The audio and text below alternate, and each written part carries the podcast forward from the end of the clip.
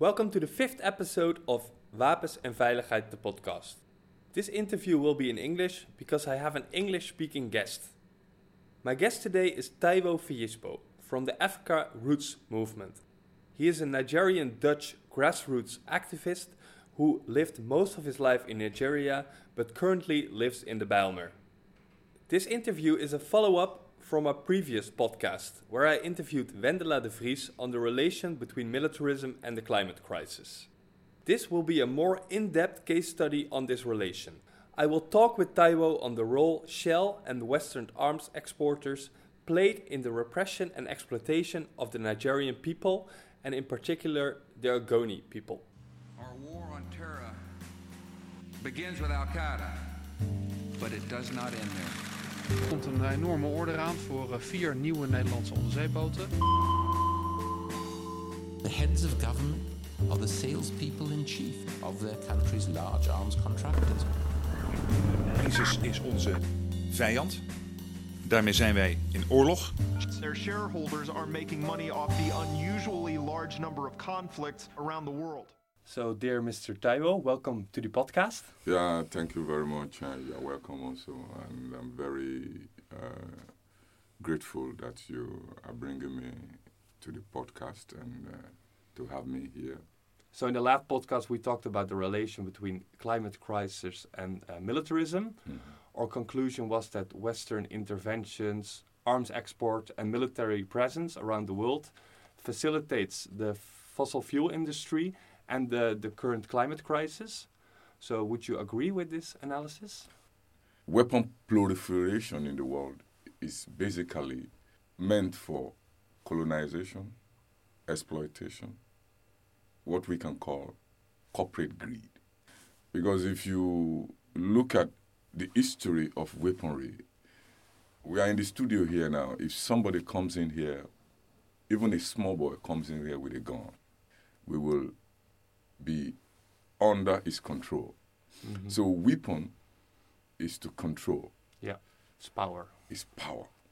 And when you tell somebody who has weapon not to have the weapon anymore, that means you are taking the power from Yeah, him. exactly. And this is what is going on in the world today.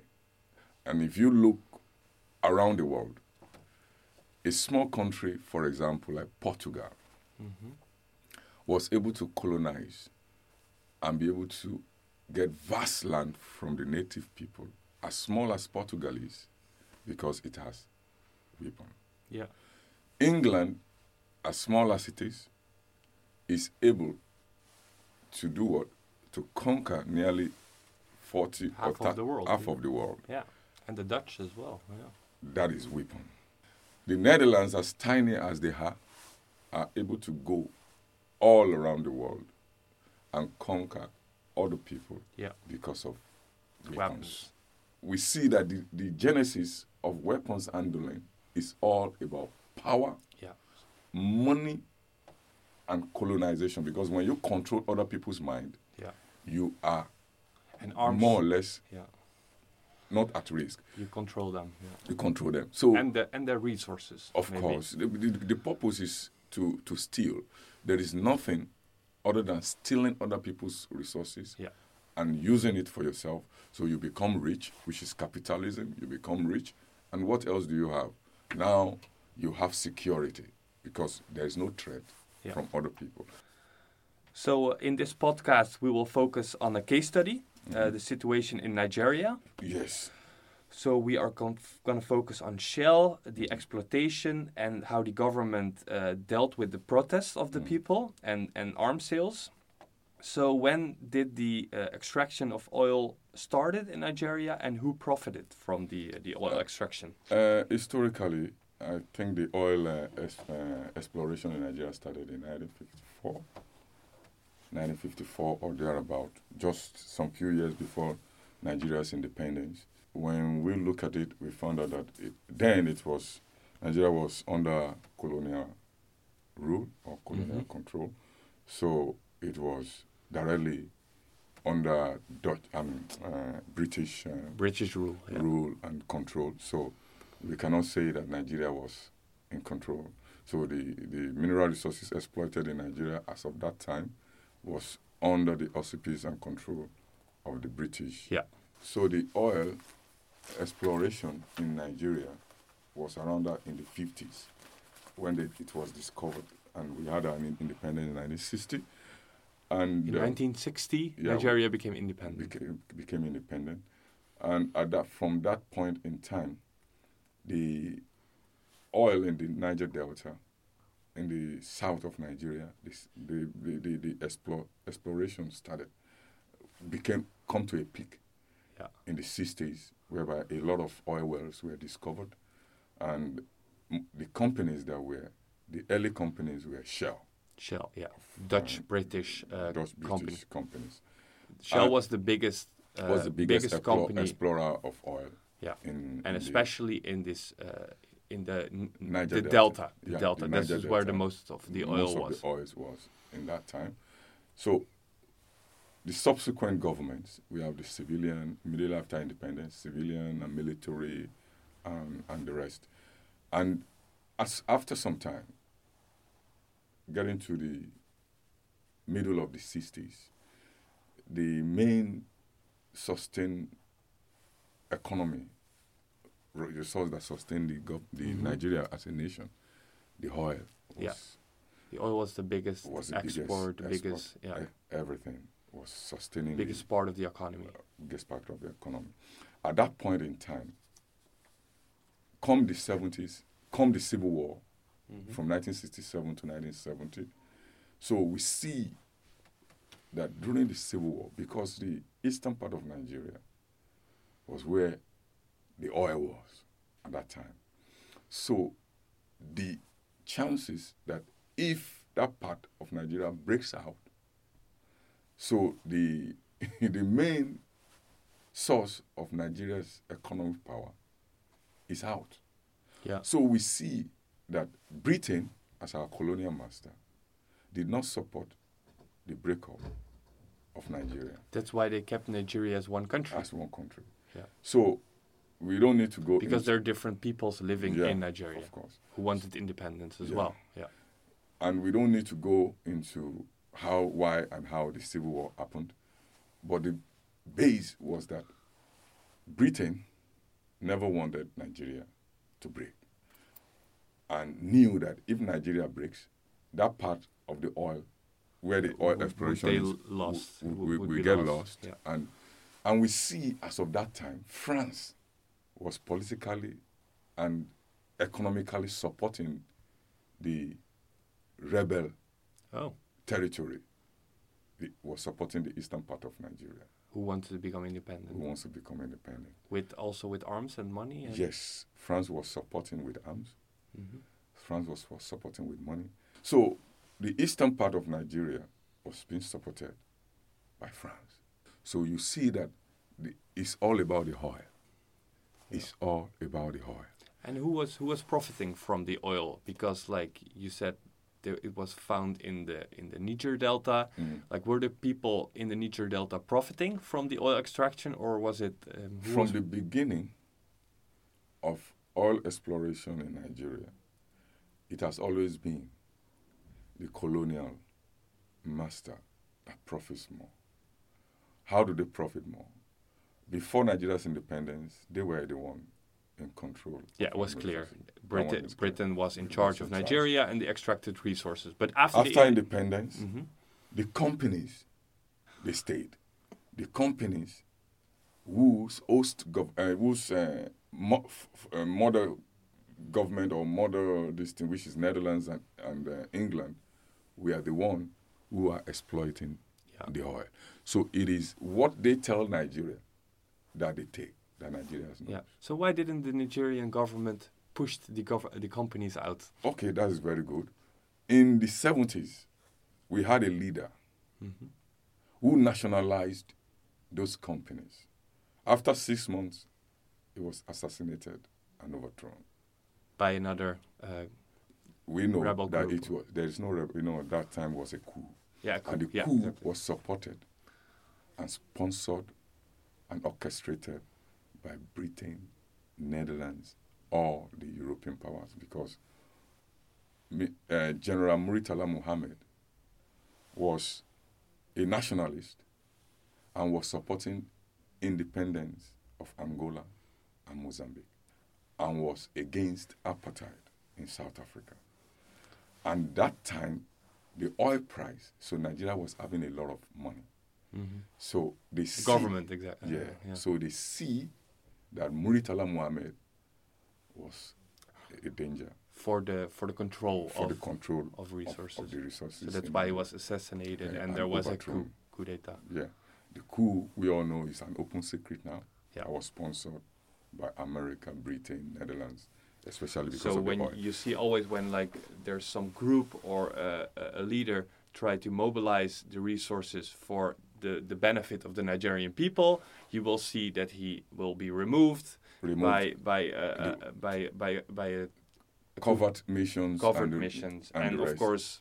The, this new leader is supported by arms from Western governments, of and uh, he will To get a he will get a small part of the, the, the, the oil that's extracted, and in return they will suppress uh, the, any, the- any, any, any any uprising that might happen in those areas.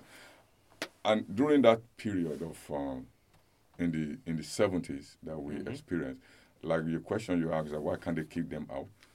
There was nationalization of the oil of most of the companies, so that Zimbabwe, Mozambique, and the rest, Angola in particular, can have their independence. Yeah. So you see that Nigeria was in the front that time of for the freedom struggle of the of, African the, of countries. other African countries. Yeah. And the base of where we get our money was the oil.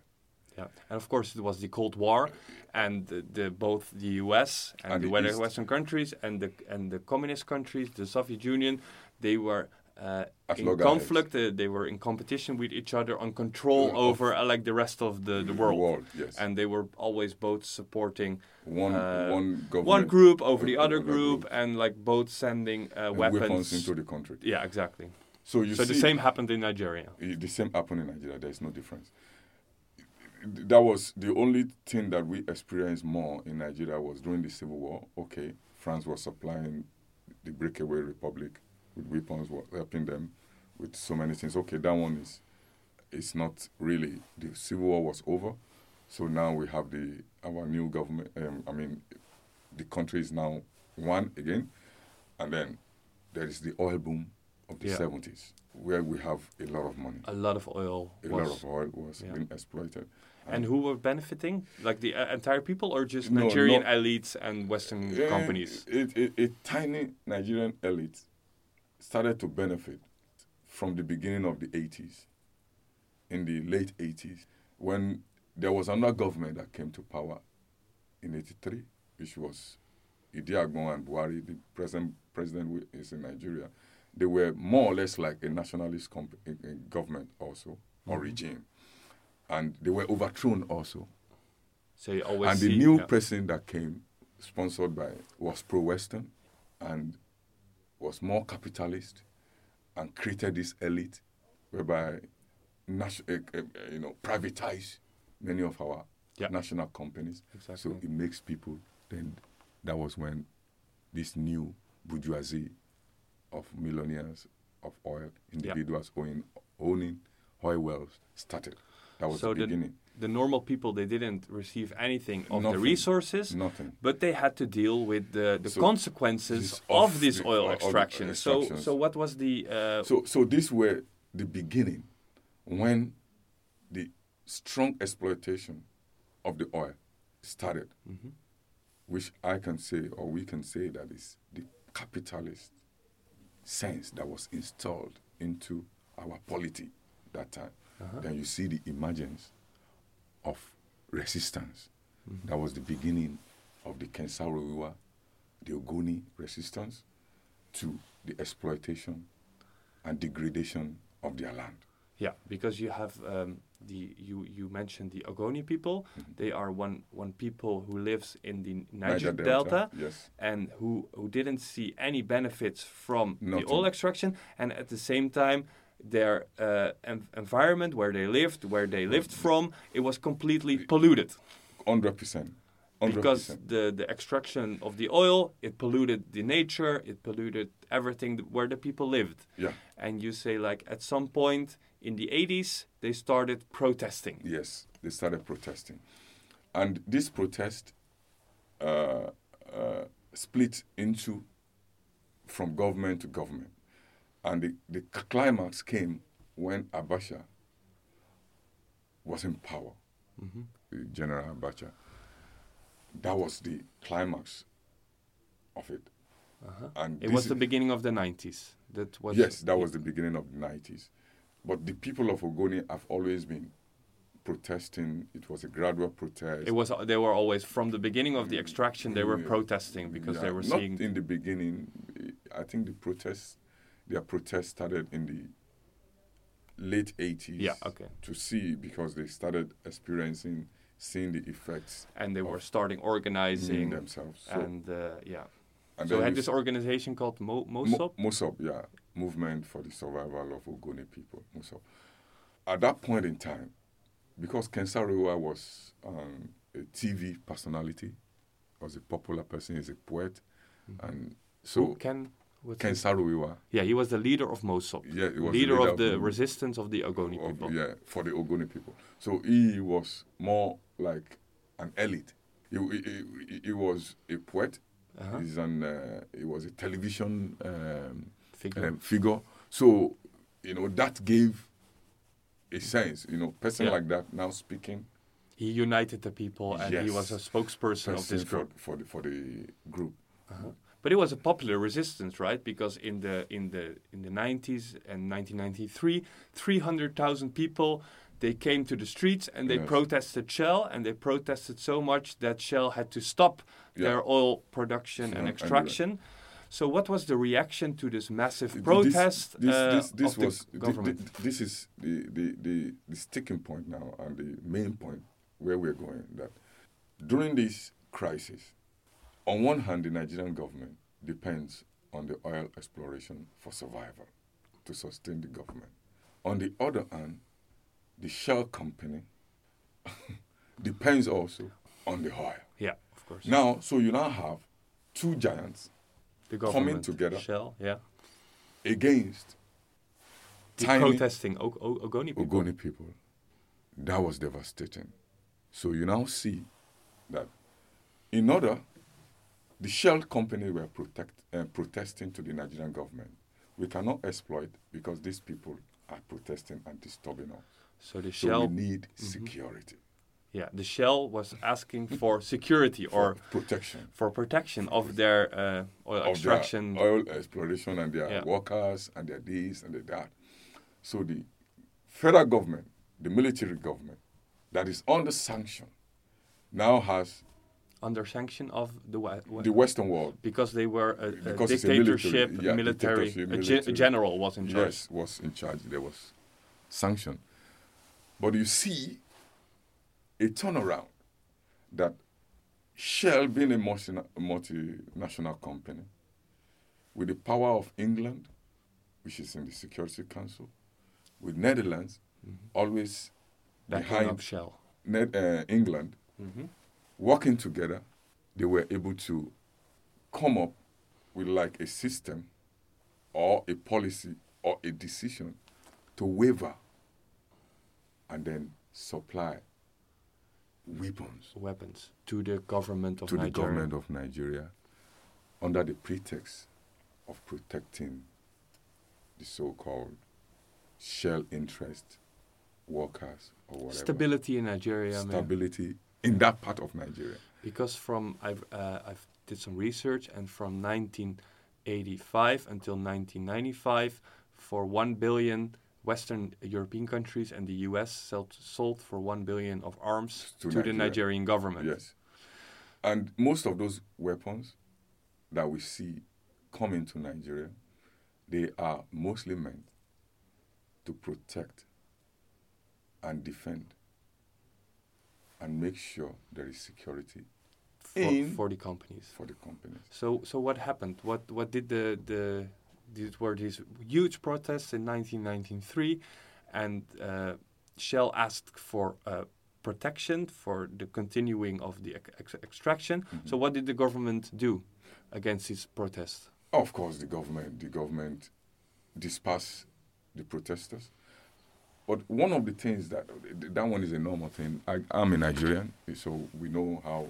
And I was only opportune one or two times, not in Ogoniland, to go to some parts of uh, the oil producing areas. And what I saw Were you in the country at that time? yeah, I was in the country at that time. I was in the country at that time. And I was able to see the devastation also. Not in Ogoniland, but I was in other part of the Where oil. also there was oil there- extraction. There was oil. And I see it was very painful Mm-hmm. that uh, how the pollution, whereby the people cannot uh, fish, the people. Oh, uh, there was a part in uh, today they, they call that place Akwa Ibom State in uh, uh, Eket. I saw when I go to the get into the areas where you will see the damages. Yeah. Slowly, the, the the more closer you get to the oil wells or the oil, the more you see pollution and the and the plants. I saw with my eye before some few miles before, I saw uh, corn being planted and getting closer to some of the villages, getting closer to the oil this thing, then you see that slowly the corns that they plant there cannot grow well. They are, they so So you see the destruction of nature Yes, and, and- where the people were living from fishing, from the From land, it, it became completely impossible. And that's why they protested. Yeah. So, and I saw that the youth at that time, the youth set up roadblocks. So for motorists and people, and they, you see that they were angry, and you can understand that they are powerless, but they, They were protecting their land. Yes, they. So it's something that I saw with my eye, and that changed my mind, and that was the beginning. In that was in 1992, 93. Between that time, that I personally have a feeling for the people in that area that I can understand. Because you didn't Yeah. came from uh, I- this I'm Niger Delta. I'm, I'm not from the Niger Delta. I'm from the west of Nigeria, so I can I feel for them. I I participated in a lot of environmental uh, issues in Nigeria, everything, and I see that was the beginning of my being convinced that the exploration of oil in Nigeria and the oil companies are not doing enough. yeah, was That was my personal conviction as of that time. Then I got involved in activism. So, So the, so the shell, hmm we go back to the Ogoni side and we see that during that period of the crisis, the Nigerian government sent in a lot of military or police paratroopers, Yeah. or we can call them mobile police and the rest. because protesters were blocking Mm, uh, roads and everything. roads and So- everything. So they have to send in a lot of military or weaponized to end the blockade and to to, to make blockade. sure Shell Yeah. could continue their production. Their production, and that was when we see the climax. And at that time, then another incident happened Mm-hmm. that some Ogoni chiefs were attacked and killed, and Mosso was accused of orchestrating. Yeah, those the, the leader of the resistance of the, the protesters Yes, was was accused of killing these Ogoni Uh, uh, chiefs. chiefs That who was- were working together with the government. Yes. Yeah. That was where the problem. That was it. that short period in the Ogoni history was what changed. And Well, the protesters and the leaders, they, they always said like we are uh, non-violent They protesters. We're just blockading, and the Nigerian government uh, reacted with violence. Over a thousand people got killed. Yeah. A lot of people uh, had to leave their houses because of the government Mm, yeah, violence. yeah. And then we are at this point where some Ogoni chiefs get killed. go- And what got, happened? got murdered or got murdered, yeah. by so-called youths. Yeah, mobs, yeah. Mobs or whatever. And now the government, it was one of the most shortest uh, uh, uh, court or tribunal Mm-hmm. in Nigeria that the government or the shell, in collusion with the government, directly point to Musa and say they are responsible for the assassination or the murder of the Ogoni chiefs. They saw an, an op- opportunity. People got killed, and they said like this leader or several leaders of this protest so. movement, they are responsible, and they should be uh, brought to, to court Justice. to justice. Yeah. That was when they arrested the Ogoni Nine, Mhm. and then they were hastily judged or persecuted, and then uh, executed. And this execution was so brutal that They were executed. The, these Yeah, Ogoni were- Nine. Yeah. yeah, they were executed. And you say it was not a fair trial. It was not a fair trial because they, all of them were proving their innocence up to the last moment that they died. And after killing them, they dug a pit or a hole or a, a, and dump their bodies in and pour acid on the body to to to wipe it out. To And wipe that was, everything out. That was a very sad moment. So ever since then, then you see that there was calm in the Niger Delta, uneasy calm, because there was high presence of military. from then on the protests were put down. Yeah, of course. Yeah, yeah, because they were afraid. And then there were you had the thousands people heavy- killed. You had like the leaders uh, removed. removed. So there was heavy militarization of those areas. Mhm. So even the other parts, other people, other parts of the oil-producing areas who are thinking Yeah. of protesting or doing or doing whatever they want to do, knew They that stopped, They stopped. because they were afraid of their lives, of afraid their of their lives and the families. and there there were strong military presence. So this military that area. presence made it possible for Shell to to, to continue. continue to exploit Yeah. the oil and, the uh, rest. And, that and what it. was the role of Shell in putting down this resistance? I, the role of Shell was very simple. They started it. They complained we cannot take the oil because these people are disturbing our Yeah. workers, disturbing our this thing. So the government have to react because the government They work together with the government. They work together. and I also I've also read in this amnesty report. I will put it also in the show notes of the uh, of the podcast. uh, Shell was directly paying some of the Nigerian troops, Of course, of and course. they were also transporting sometimes. Uh, uh, uh, no, yeah, also weapons, but also troops to Of course, of course, to they- resisting villages. Yeah, of course. They- they- there is there is there is there is no no I can say there is no no um, Distinction between distinction Shell- between Shell and Nigerian government. gov- Shell was directly even pinpointing we They need were some one. troops. They Yeah. were one. Yeah. Sometimes Shell was in the front telling what Nigerian government should do. Yeah. So they Shell- were so closely. they, they were working hand in hand. There is no no problem with the with the military government, even though the Abacha government was under sanction, but still Shell is able to deal with the government in in, in a very very Yeah, uh, cool way. and this is also proven now by internal documents that were released, like uh, in 2009, and Uh, yeah, you have the amnesty reports, and you see like the collusion between Shell the Nigerian government and, and Shell. Shell in uh, paying troops, in providing logistical providing logistics support. and, and, and everything. Uh-huh. So and then immediately after that, then you see the emergence of militancy. To what I mean by militancy is where you have the Niger Delta militias, because they see that Kensarua was peaceful, Mm-hmm. peaceful protester got killed. So now you see that the emergence of these Niger Delta militants yeah. getting military also. Yeah, so the Ogoni people first were protesting Peacefully. peacefully, but now they see this reaction and they, see, they and say we have parts- to protect ourselves. And even the Ogoni were not militant this time, Mm-hmm. but other people from the other producing areas became militant. yeah, And that was when you see that there is now a law of purification of military and arms in that part of Nigeria. yeah. Because now the government says like we have terrorists, what they will call them, resisting and they're violent and they're making the economy uh, Uh, weak, weak. and we need weapons for uh, At the same time, the, the militants, the, yeah. the militants too were engaged in bunkering. Sorry, what's bunk- Bunkering. Bunkering is um, illegal trade in oil. Uh-huh. So they were hijacking, they were kidnapping foreign workers f- for ransom. Yeah. And they used this money to buy weapons on the IC to resist, to resist. Yeah. So you see these radicalizing. games- They radicalized. Yeah, dirty games in the Niger Delta. yeah. And that was and that lasted for years. And you say like if if if if in the time it would it was dealt with if if the Nigerian government and Shell they reacted with justice, it would never have uh, radicalized and No, they, no, they no, w- people- wouldn't have no, been no, no, no, militant groups. No, it was a reaction to the to the to the government. to the government and the oil companies.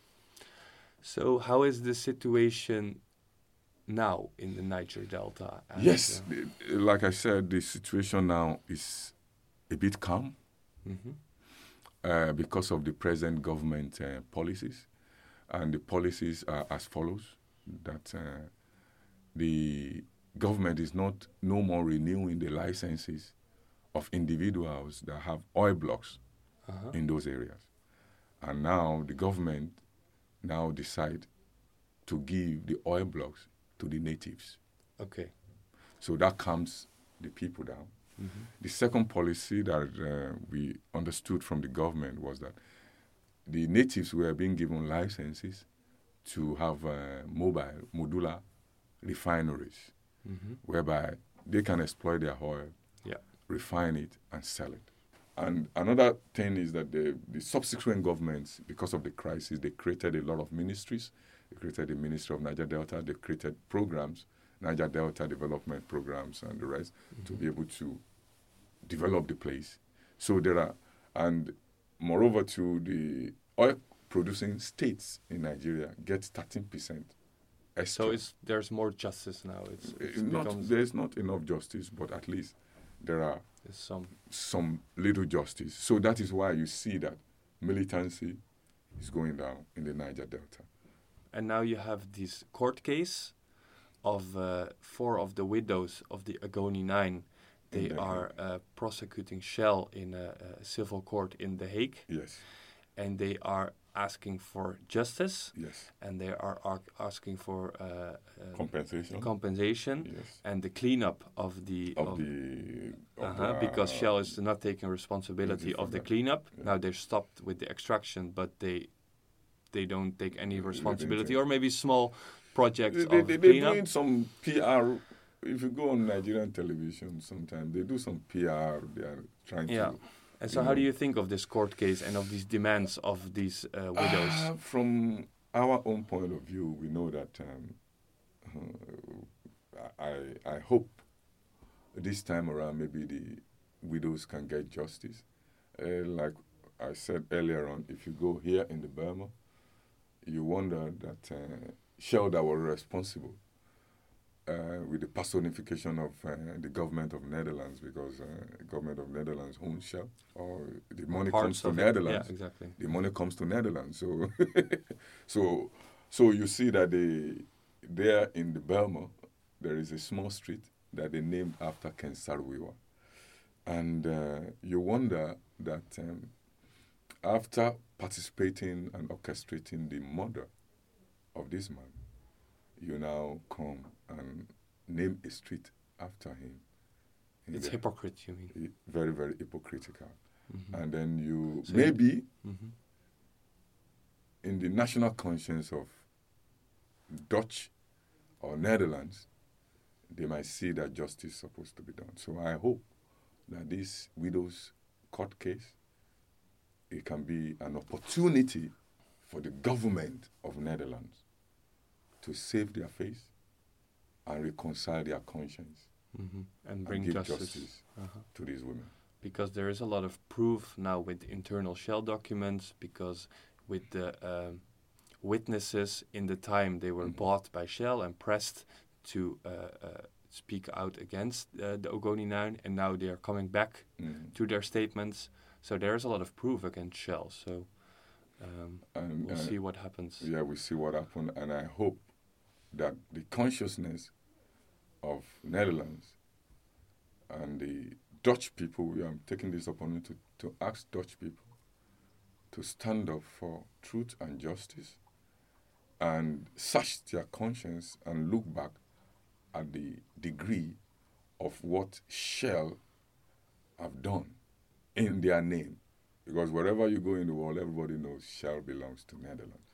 And as a so we have to take responsibility so you, you have moral responsibility to follow up with the court case, come out and say that let there be justice and clear your conscience Because at this point in time, no matter what, the people are waking up. Just like I said earlier on, in West Africa, the West African people are waking up. Now there is campaign, strong campaign, even in Nigeria against France.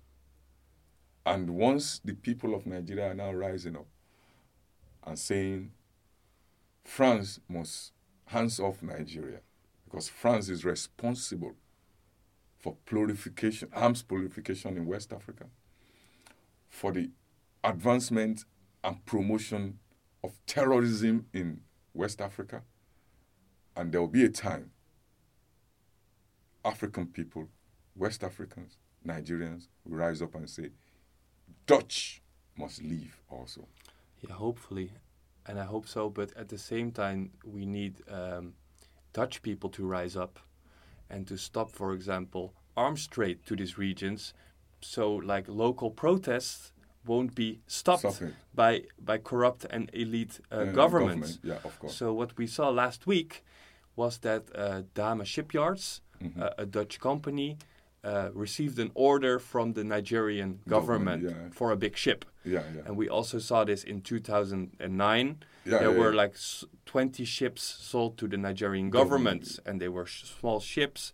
Especially, uh, uh, they they are they can be used in in the Ogoni area, In the- the Niger Delta, the Niger yes. Delta, yeah, yeah, for for transporting people. So, if we, I think why why I work at Stop Wapenhandel is because we have to take our responsibility as Dutch people uh, to support protest uh, groups all over the world, so that weapons will not be sold to these kind of corrupt governments. Right. Because yeah, we have to link up as social group, as protests, as activists against this And I- extraction. I, and and I, I I see that um, to be sincere that uh, even though the Dutch government might be far away from the Dutch people in the real sense, but I can say that at least with my personal experience, there are person like you, there are few Dutch people who are standing up and saying no to what their government are doing in their name.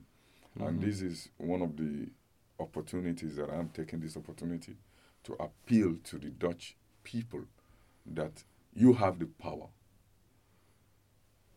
There is nobody else because the government might be a tiny elite. What they are doing, whatever they are doing, they are doing in your name. When the government goes, the people remain. So Dutch people should rise up and do their own research Stop these arms trades. stop this arms trade, stop the so-called exploitation of other people, because most of these things is only a tiny elite that came from it, in the name of ordinary Dutch people that are innocently walking around without knowing what is being done in their name. So Yeah. it's good that Dutch people should rise up and support the people Yeah. who are in the front line, the communities who are in the front Yeah. line, who are feeling the pain.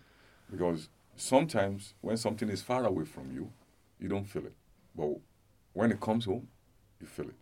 So let because us there are people in the front lines every day resisting uh, suppression and asking for justice Yes. and facing uh, Western weapons while doing it. So Right. it's our responsibility. It's the least we can do is to stop th- those people from being suppressed, being and suppressed facing and- our own weapons. yeah. Yes. And uh, I will take the opportunity again to appeal to Dutch people that the Ogoni widows case, they should please, you know, come out and support these people for justice, at least to clear the conscience of the Dutch people and the Dutch government and the Dutch regime or whatever, so that there should be justice, at least to save the face. Because looking back at the damages and the effects that the Shell, gov- uh, the Shell company, and the government of Netherlands have done, And how we profited as the and, Dutch uh, people. yeah, you need to clear your conscience. We see that was why I still don't know why. I will repeat it. The name is street in Amsterdam Zuidoost after Ken Saro-Wiwa, of which the Netherlands government and the Shell company were complicit in the murder. So no more symbolic acts like naming a street after the resistance leader. Now we have to act and give actual Ju- justice, for the- these people. For these people.